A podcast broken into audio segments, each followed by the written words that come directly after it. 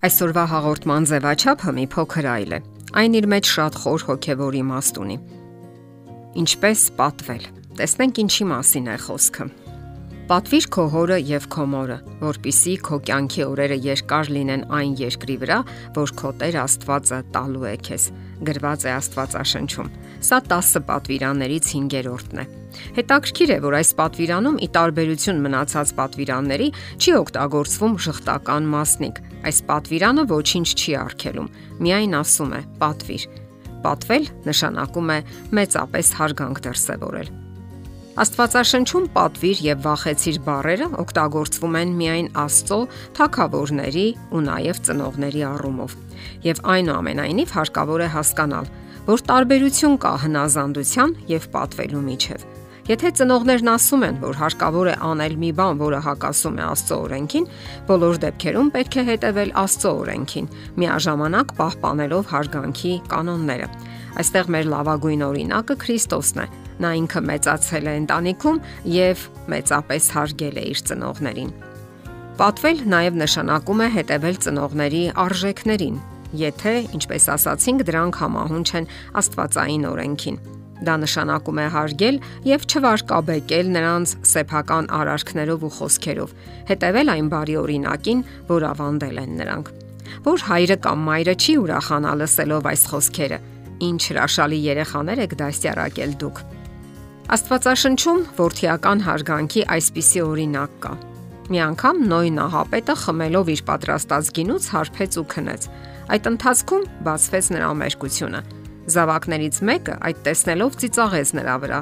սակայն մյուս ворթիները հետ շրջված հարգանքով մտեցան ու ծածկեցին հոր մերկությունը։ Մենք գիտենք, որ աշխարհում իդեալական մարդիկ չկան։ Մեր ծնողները եւս բացառություն չեն։ Նրանք նույնպես մեղավոր մարդիկ են եւ սխալներ են թույլ տալիս։ Մեզանից պահանջվում է ոչ թե անհարգալից վերաբերվել, այլ նույն հարգանքով ցույց տալ այդ սխալները, քննարկել որոշ հարցեր։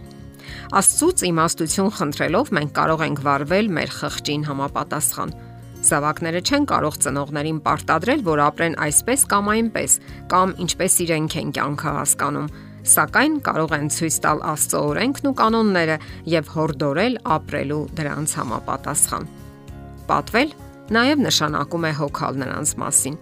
Ավետարաններից մեկում Քրիստոսը հանդիմանում է Փարիսեցիներին այն բանի համար, որ նրանք ինքնագլուխ փոխել են Աստծո պատվիրանն այնպես, որ կարող են առանց նյութական օժանդակության թողնել ծնողներին եւ դրա համար անհրաժեշտ գումարը փոխանցել Աստծուն։ Այս դեպքում եկեղեցուն։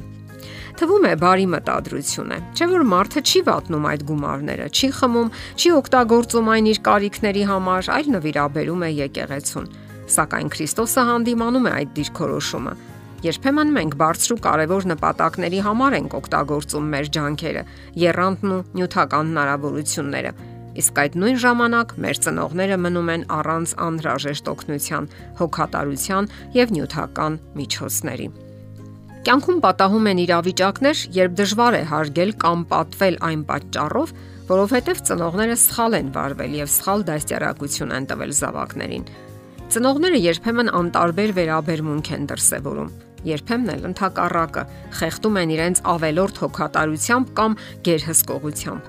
Նման դեպքերում երեխաները մեծանում են կամ անտարբեր, կամ մեղավորության զգացումով ու անլիարժեքության համախտանիշով։ Այս դեպքում զավակներից պահանջվում է ներել ծնողներին։ Աստված անկասկած հասկանում է, թե ինչ է կատարվում մարդկանց հոգում եւ ըմբռնում է անհամեմատ ավելին, քան ցանկացած հմուտ հոգեբան։ Նա շահագրգռված է, որ մենք կարողանանք պահել պատվիրանը, այն էլ ոչ թե ձևի համար, այլ որpիսի դա նպաստի կողմերի երջանկությանը։ Չէ՞ որ այդ պատվիրանն ի վերջո տրվել է մեր բարօրության համար։ Աստված ցանկանում է մեզ ապարգևել իր ներումն ու առանց պայմանի սերը, եւ դա էլ մենք կարող ենք փոխանցել դիմացիններին հատկապես մեր ծնողներին։ Փորձեք Աստծո հետ զրուցել այն ամենի մասին, ինչը կուտակվել է ձեր հոգում։ Եղեք ազնիվ ու անկեղծ։ Եթե անգամ ատելություն կա ձեր սրտում, մի կասկածեք, որ Աստված սիրում է ձեզ, եւ դուք էլ նույն կերպ կարող եք սիրել մարդկանց։ Աստված ոչ միայն բուժում է մեր վերքերը, այլև խաղաղություն է ապարգևում մարդկանց հասկանալու եւ ներելու ընտունակություն։ Այո, Յուրաքանչյուր ծնող տալիս է միայն այն, ինչ ստացել է ժամանակին։ Աղոթեք ձեր ծնողների համար, եթե նրանք դեռևս կենթանի են, որ Աստված սիրով լսնի նրանց սիրտը։